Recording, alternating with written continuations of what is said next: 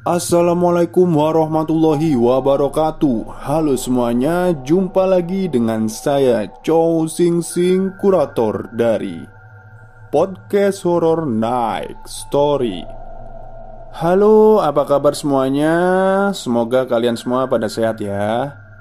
Dan sebelum saya menceritakan kisah mistis pada malam hari ini saya ingin mengucapkan selamat Hari Raya Idul Fitri. Mohon maaf lahir dan batin ya.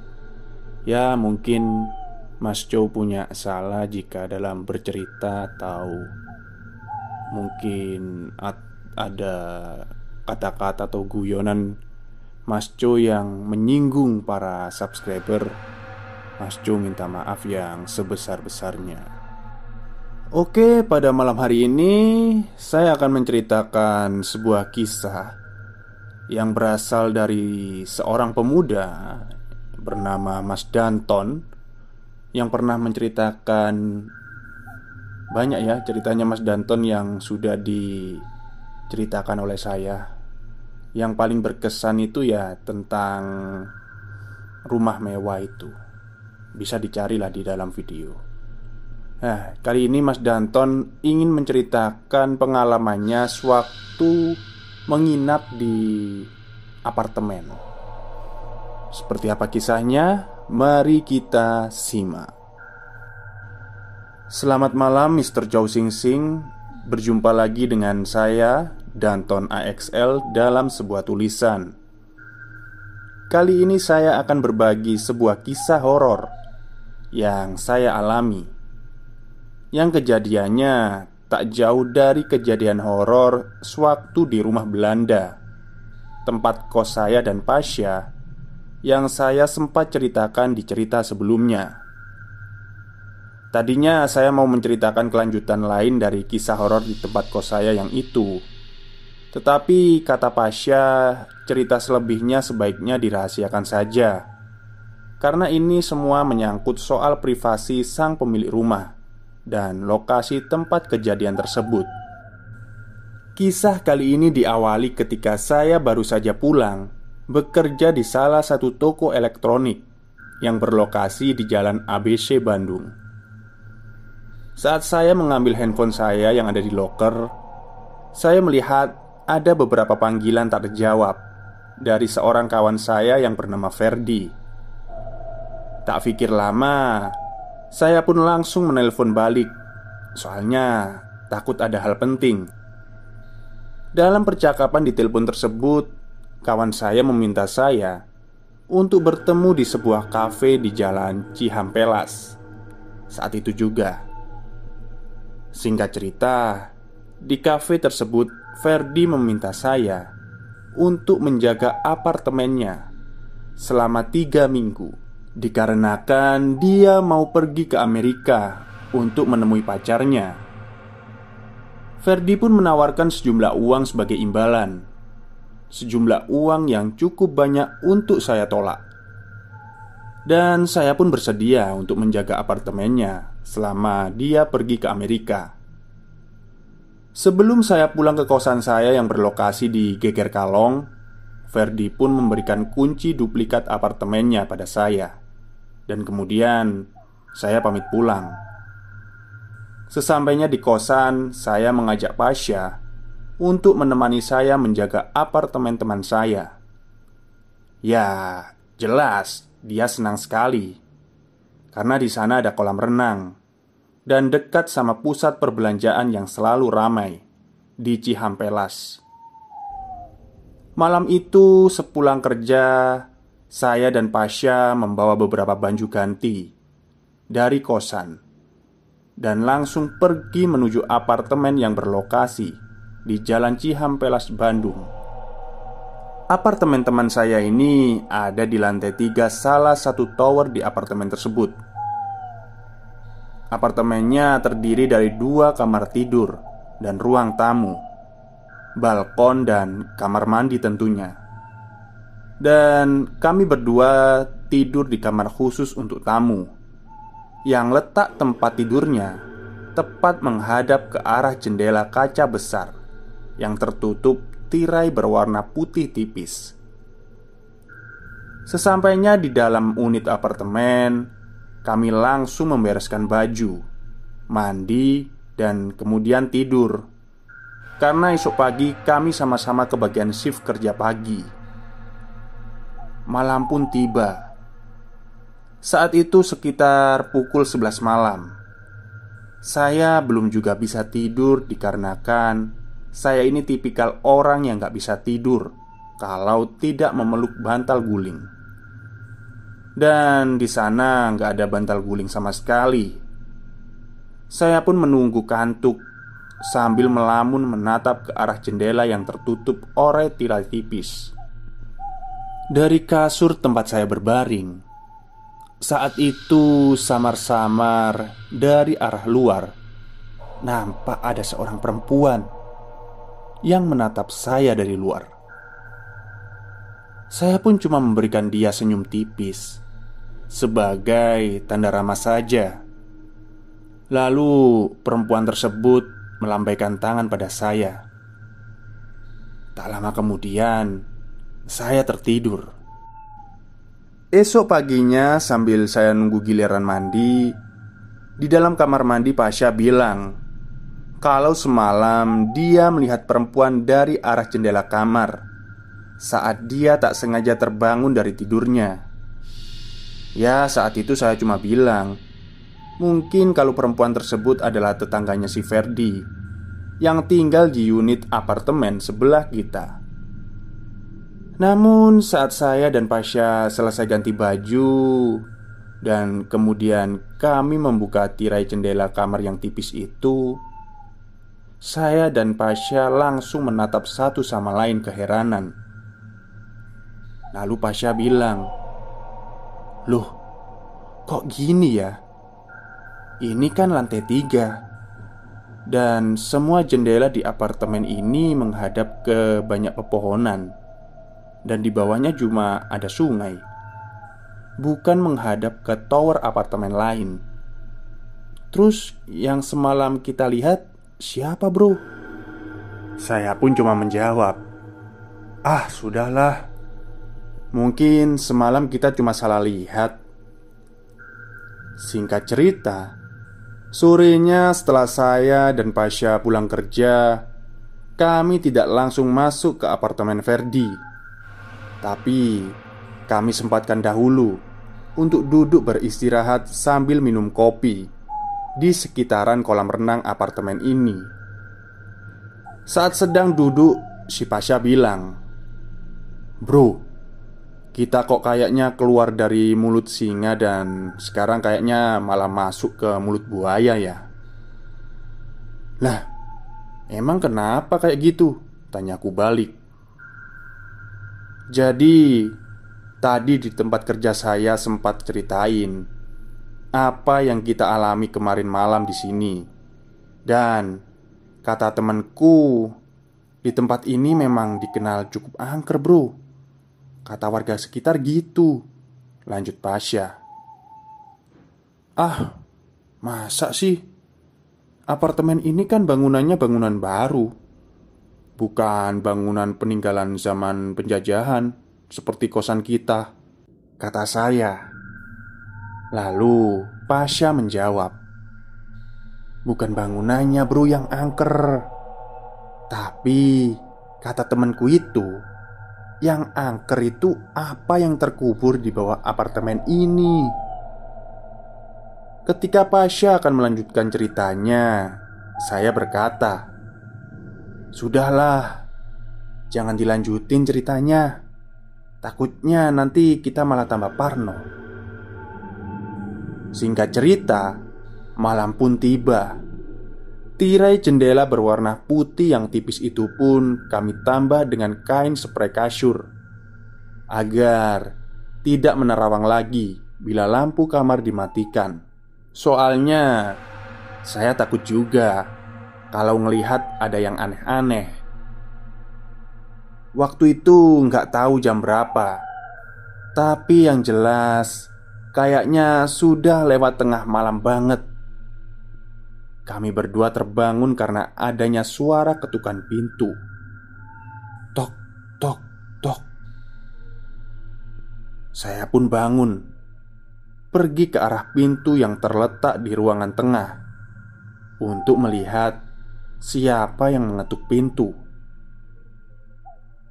Saat itu, yang saya pikirkan adalah yang mengetuk pintu adalah salah satu petugas security apartemen. Ketika saya membuka pintu, saya nggak melihat ada siapa pun di sana, di depan ataupun di koridor. Jadi, saya tutup pintunya dan kembali tidur.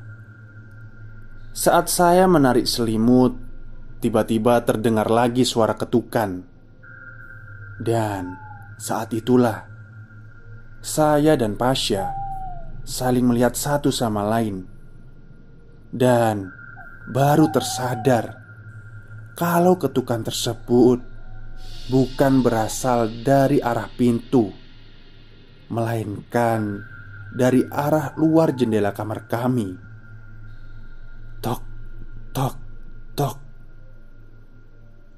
Suara ketukan itu semakin keras. Kami berdua pun langsung refleks menarik selimut dan berlari ketakutan ke arah ruang tengah apartemen. Namun apesnya kami Saat itu kami lupa kalau jendela kaca yang sekaligus pintu geser yang menuju ke balkon luar yang ada di ruang tengah itu tidak punya tirai jendela sama sekali.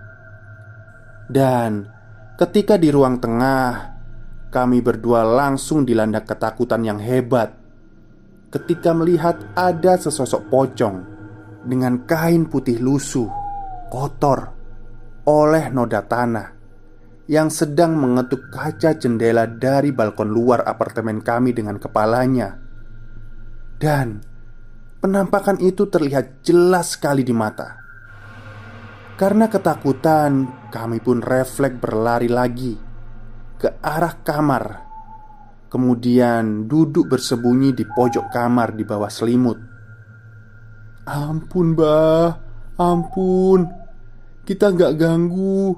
Jadi Jangan ganggu mbah Ucap Pasha sambil gugup ketakutan Tok, tok, tok Namun Suara ketukan itu tak kunjung juga berhenti. Ton Bukannya kamu dulu pernah mondok di pesantren? Cepetan doa Buat ngusir dia. Ucap Pasha sambil menyikutkan sikunya kepada saya yang ketakutan. Ya, kalau boleh jujur, sebetulnya dari tadi saya itu mau melafalkan doa, tapi entah kenapa mulut saya nggak bisa berucap apa pun, dan saya juga mendadak lupa doa. Kalau kamu yang pernah mengalami peristiwa seperti ini, pasti tahu lah gimana rasanya ada di posisi saya saat itu. Tok, tok, tok. Suara ketukan itu pun terdengar lagi Sambil diiringi oleh suara serak seolah berbisik Nyingkah sia Nyingkah sia. Dalam bahasa Sunda Artinya Pergi kamu. Mendengar itu dengan sisa-sisa tenaga saya Saya pun langsung menarik tangan Pasha Pergi ke ruang tengah Dan membuka pintu. Lalu kami berdua pun turun dari apartemen. Tadinya malam itu saya mau langsung pulang naik angkot saja, namun Pasha melarang saya karena takut kalau masih tetap dikejar sama pocong tadi. Jadi, saya pun memutuskan untuk pergi ke tempat yang sekiranya jam segini masih ramai dengan orang, agar tidak diikuti oleh pocong tersebut kami pergi ke sebuah warung kopi yang berada di samping kolam renang.